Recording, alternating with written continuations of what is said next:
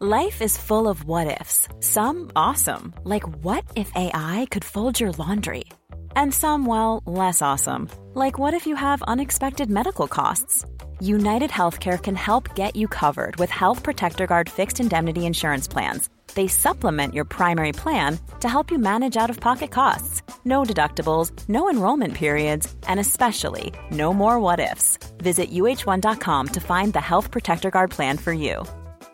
It's that time of the year. Your vacation is coming up.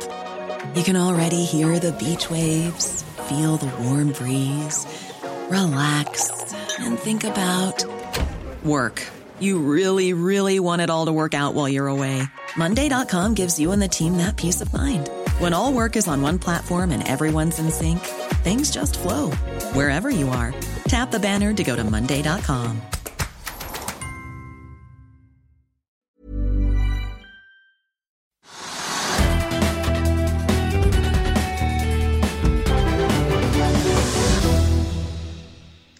Velkommen til Økonominyhetene i dag, torsdag. I dag skal vi se nærmere på Oslo Børs og USA. Vi skal også innom eh, Roger Berntsen fra Nordnett, som har diskutert aksjer og marked i lys av rentebeskjedene vi har fått det siste døgnet. Først skal vi ha noen nyheter. Magnora stiger 7% på Oslo Børs i dag etter at selskapet har inngått partnerskap med Teknip FMC innen havvindprosjekter. I kjølvannet av nyheten hever meglerhuset Clarkson Plato kursmålet fra 40 til 55 kroner, og ser dermed en oppside på 80% i aksjen. Fire meglerhus jekker opp kursmål på Movi etter at selskapet i går annonserte at de digitaliserer hele verdikjeden. Movi faller likevel 1 i dag. TDV-en har solgt 2,6 millioner aksjer til 100 kroner per aksje i Pexip. Aksjen er marginalt ned 0,3% Swipe stiger 11% på nyheten om at toppsjefen i selskapet har nær doblet sin beholdning av aksjer de siste dagene, mens Nordic Nanovekter melder at det er hentet en ny toppsjef og får en oppgang på 7 Det er små utslag på hovedindeksen på Oslo Børs i dag, Trygve. Hva kan vi sette søkelyset på i dag? Ja, det er som du sier, altså markedet er flatt. Vært litt opp, men flatt hele tiden. Og, så det er uspennende. Eh, så det som egentlig er det viktigste i dag, det er jo da altså rentesettingen i Norges Bank. Altså meldingen da om, og det, på det møtet som da, hvis det skulle komme, om at de ikke vil endre, endre renten. Renten er null. Og den da liksom har gått nedover fra da krisen begynte, ned til null. Og så var det da slik at alle hadde forstått det slik at Norges Bank sa at neste renteøkning fra null ville ikke skje før i første halvår eller første kvartal 22. Det er da endret i dag da, eh, Norges Bank sier at verden har forandret seg litt, men ikke mer enn at vi fortsatt står på nullrente ennå. Pga. økonomien, usikkerheten, lavere vekst kanskje og alt det som er. Men at de da kommer, kommer da med en renteøkning kanskje nå på slutten av året i år, altså 2021. De skyver rentebanen frem og øker den litt. Eh, så det er på en måte et tegn til markedene om at renten vil bli høyere. Det vil bli dyrere, noe dyrere for boligeiere å låne penger til bolig. Og det vil også da kanskje påvirke aksjemarkedet negativt, det er mange teorier om. Men det kan også påvirke markedene i Ja, det tror jeg det gjør, faktisk. Så, så, så, så, dette betyr noe, men det skal bety noe, så hadde han ikke gjort det. Det er derfor vi har eh, sentralbankrenten, for at de skal styre pengepolitikken og rentene ettersom de mener det er riktig ut fra økonomien. Men hvis du ser på tallene, så sier jo da Norges Bank at ja, ja, ja, ja altså vi skal øke renten fremover, men det blir ikke mer enn kanskje to, to, et par prosent liksom, på to-tre år. slik at liksom, det, det er, altså, Jeg vil tippe at lånerenten uten å regne på det, så vil jeg tippe at lånerenten man snakker om de kommende to-tre årene, den vil bli liggende på liksom 3% og så er det fradrag for rentene på skatt, og så har du inflasjon, så er det nesten real, altså negativ realrente på lån fremover også, selv om vi skal heve renten hele veien. Og selv om alle samfunnsøkonomer du og jeg snakker med, ser, alle sammen sier at nå må de øke renten, nå må de øke renten. Det er liksom nødvendig å øke renten når Norges Bank gjør det raskere enn de hadde planlagt. Det gjør de, men hvor mye raskere, det vet man ikke. Så jeg sier at ja, vi har fått en renteøkning. Den er helt marginal. Er, vi får en renteøkning? Nei, får, får, får kanskje fjerde kvartal. Uh, og den har tatt litt frem i tid, men hvis man ser på tallene, så er det små tall man snakker om. Og Da er det spørsmålet liksom, hvor mye legger da kommende boligkjøpere vekt på renten? Det vet vi ikke. Hvordan vil ledigheten i Norge være? Det vet vi ikke. Hvordan vil veksten bli? Det vet vi ikke. Når blir disse Eh, koronatiltakene liksom tatt bort, og når kan vi liksom ja, det, reise dit? Det må jo være en joke. Altså det, ja, men, jeg syns ja. det høres tidlig ut av Norges Bank. for Vi hørte også Olsen si at det kunne faktisk hende at det trengte ikke å bli desember, det kunne også bli september hvis de så at ting var veldig bedring. Men det er vel ingenting som tyder på at ting kommer til å bli ekstremt bra her i Norge med det første. Vi har jo den tøffeste nedstengningen i Norge på veldig veldig lenge, om ikke noen gang. Vi vet at det er ekstremt mange permitterte. Det er begrenset hvor lenge restauranter og servicenæringer får mulighet til å åpne opp igjen etter en så lang Men det kan tenkes at det åpner, får lov til å åpne i mai, juni, juli, og da er vi liksom i gang igjen. Men da har man vært et halvt år da, for servicebransjen ja, ja. uten, eller eh, restaurantbransjen uten eh, inntekt? Ja, og det er helt katastrofe. Så konkurser i flere ja, servicenæringer vil jo stå Det holder norsk økonomi ikke på i, i trav, men i sånn lett gangvare. Og derfor kan, derfor kan, man si at ja, Norges Bank sa det at de vil nok øke renten i år, kanskje i fjerde kvartal. Og det var det ikke planlagt fordi økonomi, aktiviteten i økonomien er såpass sterk. Men om de gjør det, så er det ikke snakk om vi skal få rente på 5, 6, 7, 8 Det er snakk om vi skal få rente på, i sentralbanken på halvannen prosent eller 2% og at boliglånsrenten blir 3 det er, helt, altså, det er på et lavt nivå. Etter min mening betyr det lite. Vi kan slappe av. Vi kan slappe av. Ja. Uh, og de hadde jo også noen meninger om boligprisene, så du det? Ja, altså boligprisene er interessant, for der lå Norges Bank etter. De er dårlige på boligpriser. og og de hadde et anslag, Sist jeg så på det, så hadde de et anslag for boligprisene i år på rundt 6-7 eh, Og nå sier de at de regner med 10% Det regner alle andre med. Så der ligger de etterpå og liksom må regne på nytt. Eh, og det er riktig. Altså Boligprisene kommer sannsynligvis i år til å i snitt øke med 10 eh, for landsbasis, og så vil det kanskje øke noe mer i Oslo. Kanskje 13-14-15 Så vi får en kraftig økning i boligprisene. Da, men så sier Norges Bank det at liksom, ok, vi skjønner at vi bomma litt, så vi har liksom tatt, satt, satt tallene våre litt opp. Eh, eh, men så vil det bli liksom lavere greier i 22, 23 eller 24, for da vil boligprisene bare stige med 1% eller 2% eller 3 Ja, 3 ja. ja. Det, så det skremmer jo ingen. Det skremmer jo ingen hvis vi i Oslo får en 15-16% kanskje 20% oppgang i år, for å si det sånn. Det nei. kan jo ikke gå 20 nei, det, hvert år, nei, eller kan det, Trygve? Nei, det er et veldig godt poeng. Altså, det, det, er nemlig det at den veksten i år den, Hvis den i, i, Oslo blir rundt 15 da, i snitt i prisvekst på, på boliger, så er det klart at du får ikke en veldig prisvekst til neste år. Det får du ikke, da faller det tilbake. For folk klarer ikke, I det tempoet klarer man ikke å følge med. Det er som da i 2016, hvor vi i Oslo hadde en prisøkning på 26 Da falt det liksom kraftig tilbake året etter, selvfølgelig. Sånn er det. Så, så, så de tallene vi har fått fra Norges Bank, det det er viktig å følge med, det er viktig å vite hva de sier, det er viktig hva de sier og hvor de bommer. Eh, og så er det viktig å vite at det blir en renteøkning, men den blir marginal. Ja, Men man kunne jo trodd, hvis man så for eksempel, Nå hopper jeg da til børsmarkedet igjen. Ja. Hvis vi så på Wall Street i går med nye rekorder, Dow Jones forbi 33 000, så kunne man jo trodd at man skulle fått en sånn push i det norske markedet i dag også, men det får man ikke. Nei, men det, altså, det er altså helt viktig. Vi, vi, må se hva som skjer i USA også. For det første var det rekordnotering på Oslo Børs. Dow Jones var i rekord, 33 000 poeng. Uh, og de andre indeksene var vel oppe, og rekordene falt litt tilbake igjen. Men det var, liksom, det var, rekordbørser. Og hvorfor var det rekordbørser? Jo, fordi at jeg hadde sentralbankmøte i USA, sånn som vi hadde i dag. Og hvor da sentralbanken bestemte å holde da renten på samme nivå som nå, omtrent null. Det er fordi at amerikansk økonomi er kjempeusikker. De har liksom en koronakrisepandemi som er sterkere enn oss. og Folk har ikke de sikkerhetsnettene, de får ikke like mye trygg, de får ikke like mye arbeids, eh, altså permitteringspenger osv. Og, og, og stor ledighet. Og, men så er det noen som sier at amerikansk økonomi kommer raskere enn vi kanskje kunne forvente. Kanskje. Men sentralbanken sa at dette ser ikke så bra ut, så vi holder renten uendret. Og det, alle hadde regnet med en renteøkning, for de regnet liksom at det ville de gjøre. Hvis de hadde gjort det, så ville faktisk det påvirket børsen ganske kraftig i Amerika. For da blir altså, Hvis man bruker den høyere rente og diskonterer fremtidige kontantstrømmer, så vil nåverdien være lavere. Og det vil si at liksom, det var ikke like spennende å være i aksjemarkedet øh, hvis, de hadde, hvis, de hadde, da satt opp renten. Så I tillegg så kommer det at hvis de hadde satt opp renten, så, så, så, så ville da de som da hadde penger og lurte på om de skulle sette pengene i aksjemarkedet eller i rente, rentepapirer, kanskje da velge noen rentepapirer. Så, men, så det var ganske spennende, det som skjedde. og og eh, det er da ganske stor usikkerhet liksom, når kommer de med renteøkning, når kommer de ikke med renteøkning. Men jeg, jeg, har en følelse av at de på en måte tenkte nesten som Norges Bank. Det må skje et eller annet, men det må ikke skje nå. Nei, men det, men det vi så da i USA, at når det ikke skjedde noe nå, så gikk uh, aksjemarkedet så det suste i går. Ja. Mens i Oslo så ser vi at det skjer ikke noe nå, men det kommer på slutten av året, og da er man uh, på flatt nivå. Det, ja, men det, det kan godt tenkes at markedet går videre. Men vi har jo hatt nesten all time high hele tiden i Oslo også og de har all time high i Amerika, så at de får et litt roligere marked, det kan jeg godt tenke meg. Men det at de ikke øker, altså sentralbanken ikke øker, økte renten, det var positivt for markedet der borte. Og det, Derfor fikk vi rekordene. Men om det holder over tid, det, det, er ikke sikkert. Og så er det det viktigste spørsmålet, det som kanskje seerne våre sikkert, sikkert har tenkt ut selv òg, det er at liksom, akkurat i dag er det ikke så viktig, men det er liksom hva man tror da om et år eller to.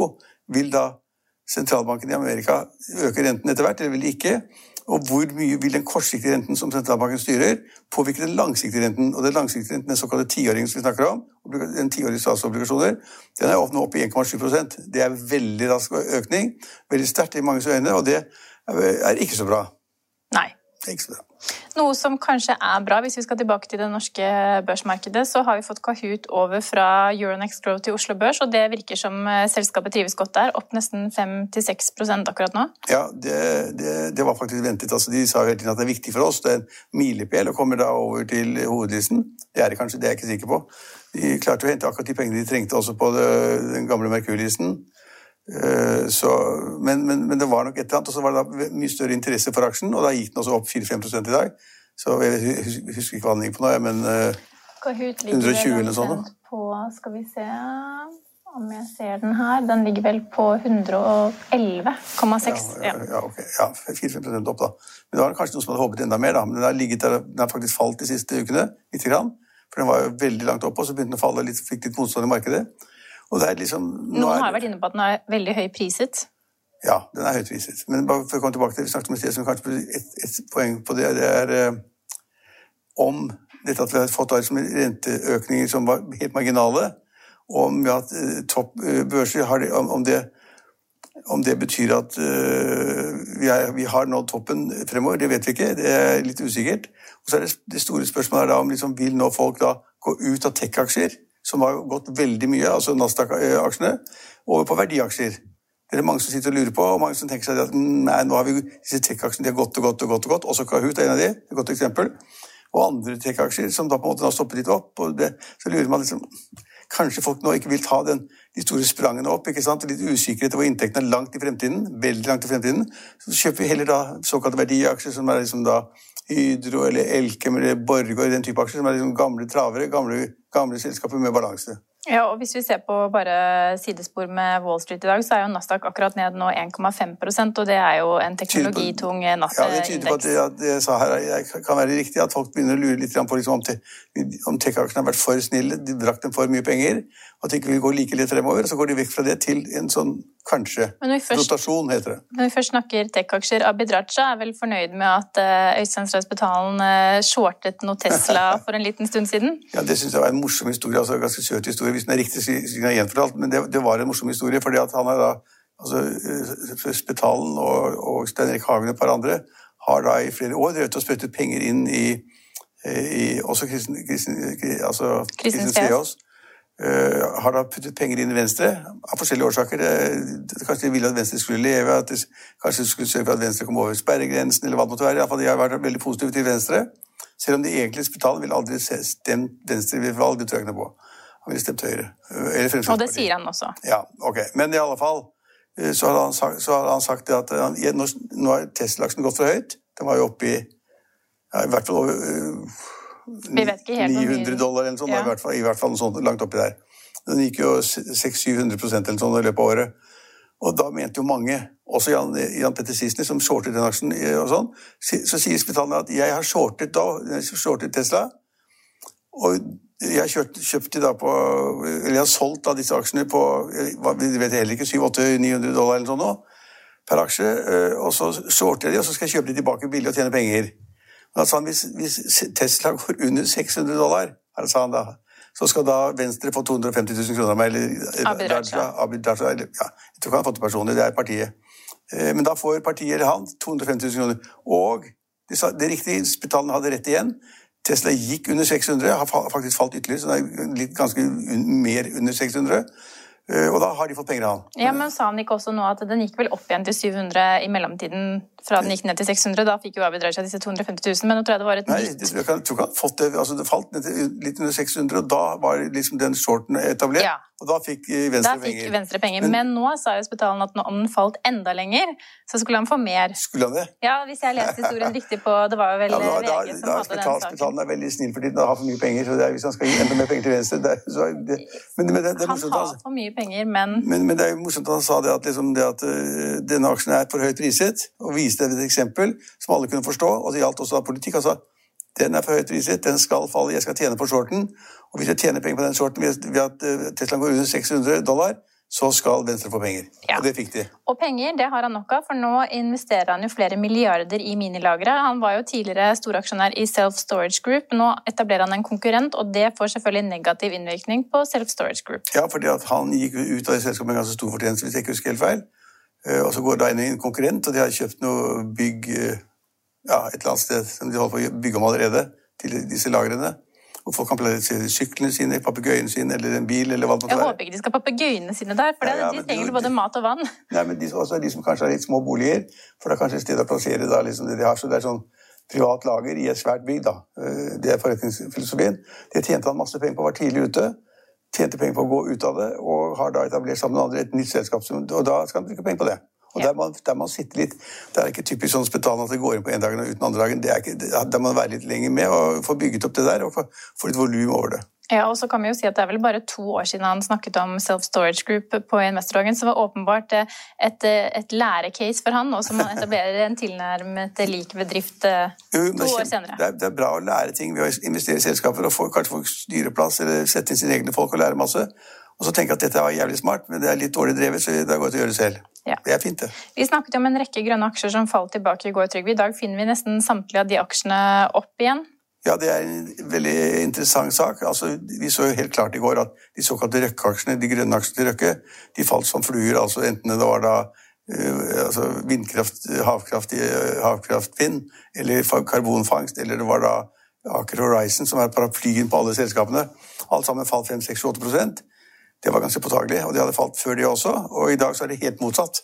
Så enten er det da mange mennesker som tenker at det var helt feil det som skjedde i går, eller så er da Røkke-systemet ganske flinke til å, massere kursen litt, grann, og så, at meglerne sørger for at liksom, dette ikke blir så ille. For det har ikke skjedd noe fra i går til i dag. Det er, ikke, det, det er bare papir, det papir, eh, papirprosjekter som skal gi inntekter om tre, fire eller ti år. Så vi ligger langt etter, men mark- markedet tørnet helt.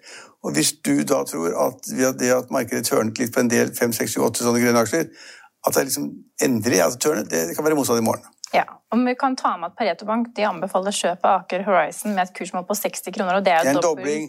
dobbelt, så mye som det den står i nå. Ja, men da- Nå er den så vidt over 29 kroner, da. Ja, men Da betyr det at eh, Pareto tror da det, at alle de selskapene som da Røkke har puttet inn i Horizon, fire, fem, seks selskaper allerede, at de er så lønnsomme og så gode at de da om tre, eller fire, fem, seks år vil tjene masse penger, og at det vil gjøre at aksjene i Horizon også blir mye høyere. That remains to be seen. Ja. I dag har vi fått et gjennombrudd, eller har vi fått et gjennombrudd? Det gjelder i hvert fall AstraZeneca-vaksinen. Det er jo veldig spenning rundt vaksineringen i Norge akkurat nå, Trygve. Du har jo sagt at hvis ikke du får vaksine i løpet av mars, så blir det både himmelrødt og helvetestemning. Jeg, jeg, jeg, jeg syns det vært litt ubehagelig da, alt sammen, for jeg visste at jeg ville få det ganske snart. Nå vet jeg at jeg får det i mars, så jeg er helt avslappet. Eh, Men jeg syns det er ganske skummelt det med AstraZeneca, at, eh, fordi at det er da eh, altså forskere eller professorer på Rikshospitalet som har kommet til å snakke at de tror de har funnet løsningen. Altså hvorfor var det tre kvinner eh, fra da sykehussektoren som da på en måte fikk eh, så stygge reaksjoner etter at de hadde fått sprøyten, at de døde. Én døde. To andre var veldig alvorlig syke. Ja, de er ligger vel fortsatt til behandling. Fortsatt, ja, Ja. fortsatt veldig syke. Og de mener at de har funnet løsningen. Det høres veldig enkelt ut, det skal ikke jeg gå inn på. Jeg bare hørte hva de sa. Eh, at de hadde linken fra da liksom reaksjonen etterpå til, til, til, til, til vaksinen. Og det er jo hele Europa lurer på det. Og forsker på det. Liksom innen EU og i Storbritannia, som har brukt masse AstraZeneca-vaksine. Masse. Så liksom hvis det skulle bevises en link, så er det på en måte det er sannsynligvis erstatningsansvarlig. og Det har masse konsekvenser. Så, men at, de, at disse forskerne da på Rikshospitalet er såpass modige i løpet av to dager å finne at det er løsningen, det er ganske godt gjort. Men fremdeles er det slik at 20 land i verden vil ikke ha det ennå. De har satt eh, AstraZeneca på vent. De må vite noe mer. Eh, Og det er jo mange som har blitt usikre på om de helt tatt vil vaksineres, når de har hørt om det som har skjedd med AstraZeneca. Enda tallene taler i favør av AstraZeneca. Ja, for det er vel 17 millioner mennesker i Ja. Europa som har fått AstraZeneca, og så er det vel 100 tilfeller Er av alvorlige bivirkninger 40, eller dødsfall. Ja. Men det er like mange som da sannsynligvis, en annen populasjon, som ikke har fått den vaksinen, som også da får blodpropp eller andre sykdommer, eller hva det måtte være. Så det er liksom hvor gamle var disse menneskene, hva hadde de av tidligere underliggende sykdommer, osv., osv. Men det har vært veldig skadelig for AstraZeneca, det er jeg helt sikker på. Så hvis da Norge, hvis forskere her eh, kan gi på en måte grønt lys i den medisinen igjen, så er det fantastisk. For den, altså, verden kommer til å bruke mer og mer, men kommer, nå, er vi, nå har vi jo tre-fire forskjellige vaksiner. Eh, og AstraZeneca er den man stiller mest spørsmålstegn ved. Den må også tas to ganger. Eh, Johnson Johnson er vel bare én gang. shot, ja. Ja, én gang. Og så er det da Pfizer, som det er to ganger. Ja, Og Moderna er vel også to ganger, ja, hvis ikke husker feil. Men til masse, masse men, vaksiner kommer. Nå har jo ikke regjeringen svart, eller, kommet, eller, FHI har ikke kommet med noe tilsvar eller noe opplysninger om hva, hva, de nå tenker om AstraZeneca, for de avventer vel EMA, som er dette europeiske de av, legemiddeltilsynet. Men heller vel mot at vi i Norge kommer ikke til å få AstraZeneca med det første? Det vet jeg ikke. Det er godt Nei, det tror jeg jeg kommer til å få. Tror du det? Ja, massevis. Ja. Men da må, da, da må, på en måte EU også ha sagt at det er ikke noen link. Det er ikke noen, altså, Vaksinen er ikke ansvarlig for, eller har ikke ført til disse dødsfallene eller sykdommene eller ettervirkningene. Det må da de si på offisielt hold. Og så må da Verdens helseorganisasjon de må også si det samme. Og så må de kanskje si det ja, et eller annet i Storbritannia, for de har, de har brukt masse AstraZeneca. Ja, jeg tror de kommer tilbake. Ja. Og så kan vi bare ta med helt på slutten. Du er jo ekstremt opptatt av kryptovaluta om dagen, Trygve. Til og med på lederplass omtaler du kryptovaluta i, i ulike ordlag, vil vel å merke. Men eh, eh, finanstilsyn over hele Europa de advarer nå mot kryptovaluta. De har tidligere vært ute og advart mot det før, i 2018. Nå har jo kryptovaluta steget til nye høyder, og Finanstilsynet også her hjemme i Norge advarer da folk mot å investere og kjøpe kryptovaluta. Og det er forbudt i India. Ja. Og det kan, det kan også skje andre steder, at disse såkalte regulatoriske forholdene kan hindre utvikling. Men jeg Det er litt feil det du sier. Jeg, jeg, liksom når det gjelder eh, altså, eh, bitcoin og kryptovaluta, så prøvde jeg bare forleden å forklare liksom, at er, prisen er usikker.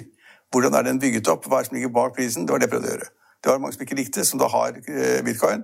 Men det må de tåle at noen sier at det kanskje ikke er så verdifullt som de tror, og at de som da har kjøpt og tjent masse penger nå, de burde kanskje ta den gevinsten. Ja, Nå sa jeg ikke noe annet enn at du, du brukte litt ulike ordlag, men på bakrommet så spurte jeg deg vel rett ut om det var faktisk slik at du var negativ til bitcoin. og da Nei, ikke måtte vi... Tatt, I prinsippet ikke, men prisingen er, altså, Som økonom så er jeg opptatt av prisingen og hvordan markedet tar det, og hvorfor den har gått da fra liksom to dollar til, eh, til 60 eh, dollar. ikke sant? Altså, og? Hvorfor, hva? 1000? 60 000? Ja, 60 000. Og hvorfor den går fra 60 000 til 40 000, og så opp igjen til 50 000 og til 60 000 og 61 000.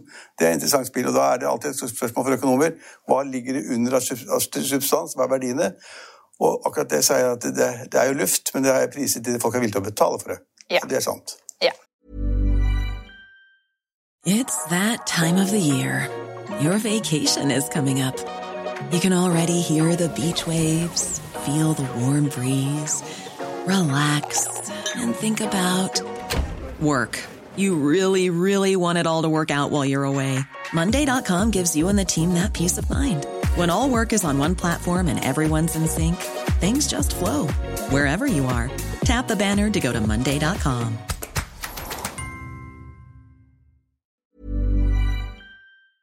I'll see you in court. Vi sier det ofte litt på spøk, men for deg som driver business, er det aldri moro å innse at du ikke har laget en 100 gyldig kontrakt.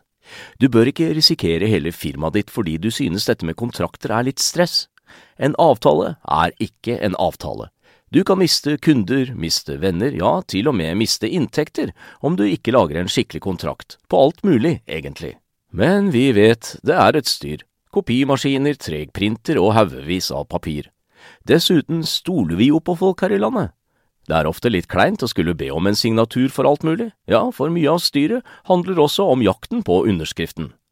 Det finnes en enkel måte å løse dette på, Dukkobit, en trygg, effektiv og get this, gratis måte å sikre seg en god natts søvn pluss en juridisk bindende avtale.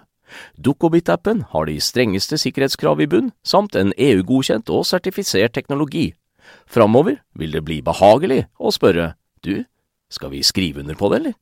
Kom i gang på dokobit.no. Og Da skal vi snakke mer rentebeskjed, fordi rentebeskjedene fra Norges Bank og USA er i fokus i dag. Og vi har snakket med Roger Berntsen i Nordnett om hvilke konsekvenser den nye rentebanen får for aksjer og markedet. Så fikk vi rentebeslutningen fra den amerikanske sentralbanken, og det var vel omtrent som venta. Hva sitter du igjen med, Roger, etter eh, rentebeslutningen og det som Powell, Jerome Powell sa etterpå? Ja, For det første så er det jo en stor begivenhet. Det når renta endres i USA, så påvirker det finansmarkedet globalt. Så det var jo helt åpenbart at investorene eh, var litt spente og litt usikre på hva som skulle komme. Signalene var jo i forkant at de ikke kom til å, å bli foretatt seg noen store endringer fra desembermøtet. Men likevel så var det noen nyanser der som vi kunne trekke ut av det. Det er at Rentekomiteen, som består av tolv medlemmer, I desembermøtet så var det som en av de medlemmene som så for seg renteheving i 2022. Eh, denne gangen så var det da fire som så for, for seg at vi renteheving i 2022. Men det, likevel så er ikke det som tyngden. Tyngden heller på at eh, første renteheving kom først i 2023. Og da ble det jo eh, eh, tilbake til normalen. De lange rentene de justerte seg litt opp eh, på meldinga. I tillegg så falt jo dollaren. Dollaren falt jo fordi at eh, den eh, amerikanske sentralbanken de fortsetter denne pengetrykkinga, kvantitative lettelsene. Eh, så, så, det er liksom i, i, i korte trekk eh, hva som skjedde i, i, i går. Mm. Men det ligger vel i dette her renteplottdiagrammet nå at renten blir liggende på dagens nivå ut 2023, gjør det ikke det? Jo, men det en skal huske på, så Hvis en fulgte eh, pressekonferansen i ettertid, så kom det jo fram at Jerome Powell sa det at det de fokuserer på, det er de faktiske tallene som kommer inn. Nå er det jo en stimulansepakke der eh, som nylig ble vedtatt på 1900 milliarder dollar. Og Det er klart at det ligger i kortene at det vil gi økte vekstimpulser og aktivitet i eh, økonomien generelt. Sånn at når det kommer faktiske tall som viser seg å være i tråd med det, de, eh, det som er de sitt mål, så vil de jo agere. Men de fremhevde det at de vil varsle i god tid i forveien når en renteheving eh, kommer. Så, så, en skal huske på det at eh, Federal Reserve de er da det vi kaller for pragmatiske. Ikke vel, De har en rentebane, men likevel så vil de eh, fokusere på, på, de faktiske tallene som kommer inn. Og Det er fordi at vi er fremdeles i en pandemi. Vi er ikke over eh, denne krisa som, eh, som ble starta i, i, mars i fjor. Mm. Men hvis du ser på inflasjonen i USA, så er det vel ingen som er redd for den? Nei, nå er det jo sånn at Inflasjon har jo vært et stort problem de siste 10-12 årene, altså etter finanskrisen i 2008-2009. Og det har blitt trykt en masse penger både i USA, i Europa eller vest i verden for å prøve å trigge inflasjonen. Så det er jo, det er jo egentlig ikke et tema eh, lenger. Så, så, det er jo, eh, På kort sikt så skal jo da inflasjonen kunne stige over målet sitt på 2% men de indikerte at de ser ikke noe sånn varig inflasjonspress på tross av alle de stimulative tiltakene som er tilført markedet. Mm. Eh, hva tror du det første grepet til sentralbanksjefen vil bli, og når kommer det i så fall? Nei, for det første så er det jo sånn at må, Vi må jo bare stole på den retorikken som, eh, som, som Jerome Powell eh, har. og det er At de vil være pragmatiske i den forstand at når det faktisk kommer eh, nøkkeltall som viser seg å treffe, eller kanskje å eh, treffe på det de, det de spår, så vil de først uh, agere. Men de vil likevel så vil de jo signalisere til markedet i god tid i forveien. Sånn at uh, det, det, som ligger i kortet nå, det er jo 2023. Uh, først uh, renteheving at den vil komme i 2023. Men helt åpenbart, hvis den skulle komme tidligere, så er det jo helt, helt for det, det er jo fordi at vi er, pandemien er lagt bak oss, og at arbeidsledigheten er i ferd med å tikke ned til et normalt eller nivå. Sånn at det ligger egentlig bare sånn For økonomi generelt så ligger det jo egentlig bare oppside her, eh, vil jeg si. Eh, renta blir holdt eh, i null inntil, inntil vi ser eh, faktiske tallene. Vi er tilbake i morgen fredag klokken 13.30. Følg med oss igjen da.